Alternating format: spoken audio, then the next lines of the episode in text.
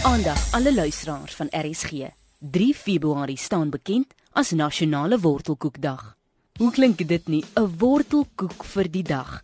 Hierdie gewoonte het ontstaan sedert die middeleeu waar persone hulle groente met 'n soetigheidjie gemeng het. Maar iemand wat ons bietjie meer kan vertel oor die wortelkoek is 'n bekende stem op RSG, want ons noem haar die huiskok en sy's ook die skrywer van die Koekedoorboek, Irida de Tooy. Kyk, as daar een koek is wat die titel verdien van superster, dan is dit die wortelkoek. En hierdie reputasie van die wortelkoek het eintlik al in die middeleeu begin toe suiker so skaars was en duur in Europa dat wortels en beet as die versoeters gebruik is eers vir puddings en toe later vir koeke. En selfs die wortelkoek in Engeland het byvoorbeeld bekend gestaan as Queen Anne koeke. So dit was gesien as iets spesiaal. Maar toe raak dit heeltemal uit die mode uit. Want suiker het mos toe nou algemeen geraak. En toe na die Tweede Wêreldoorlog was daar so suikerskaarste dat mense toe weer begin het om wortelkoeke te maak. Weereens gaan die mode 'n bietjie verby en toe in die 70er jare het dit die wêreldwye gewilde koek geraak. Want toe is almal mos nou op die gesondheidsmeel.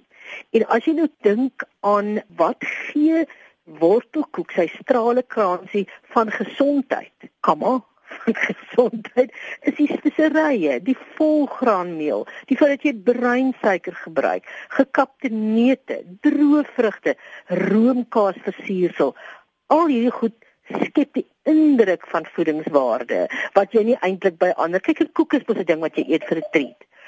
So daar is hierdie klein strale kraans wat die wortelkoek het wat mense dit as aards en eg en gesond sien. Nou as jy gewonder het of daardie wortelkoek gesonder as die sjokoladekoek is vandag, Irida het daardie antwoord vir jou.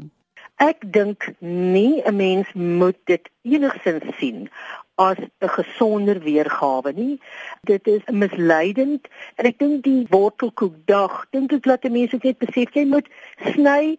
Jy kan dit absoluut geniet, maar geniet dit ook of in 'n kolwyntjie grootte of sny dit ook in blokkies, maar jy kan natuurlik wonderlike goed doen, soos om dit te versier met klein baba groentes wat net liggies gekook is of selfs aan die oond gebak word en dit handevol sade en neute daaroor gooi. En dan ek dink wat 'n mens moet bekamp en so min as moontlik gebruik is die roomkaas versiersel want dit is waar die baie suiker in is.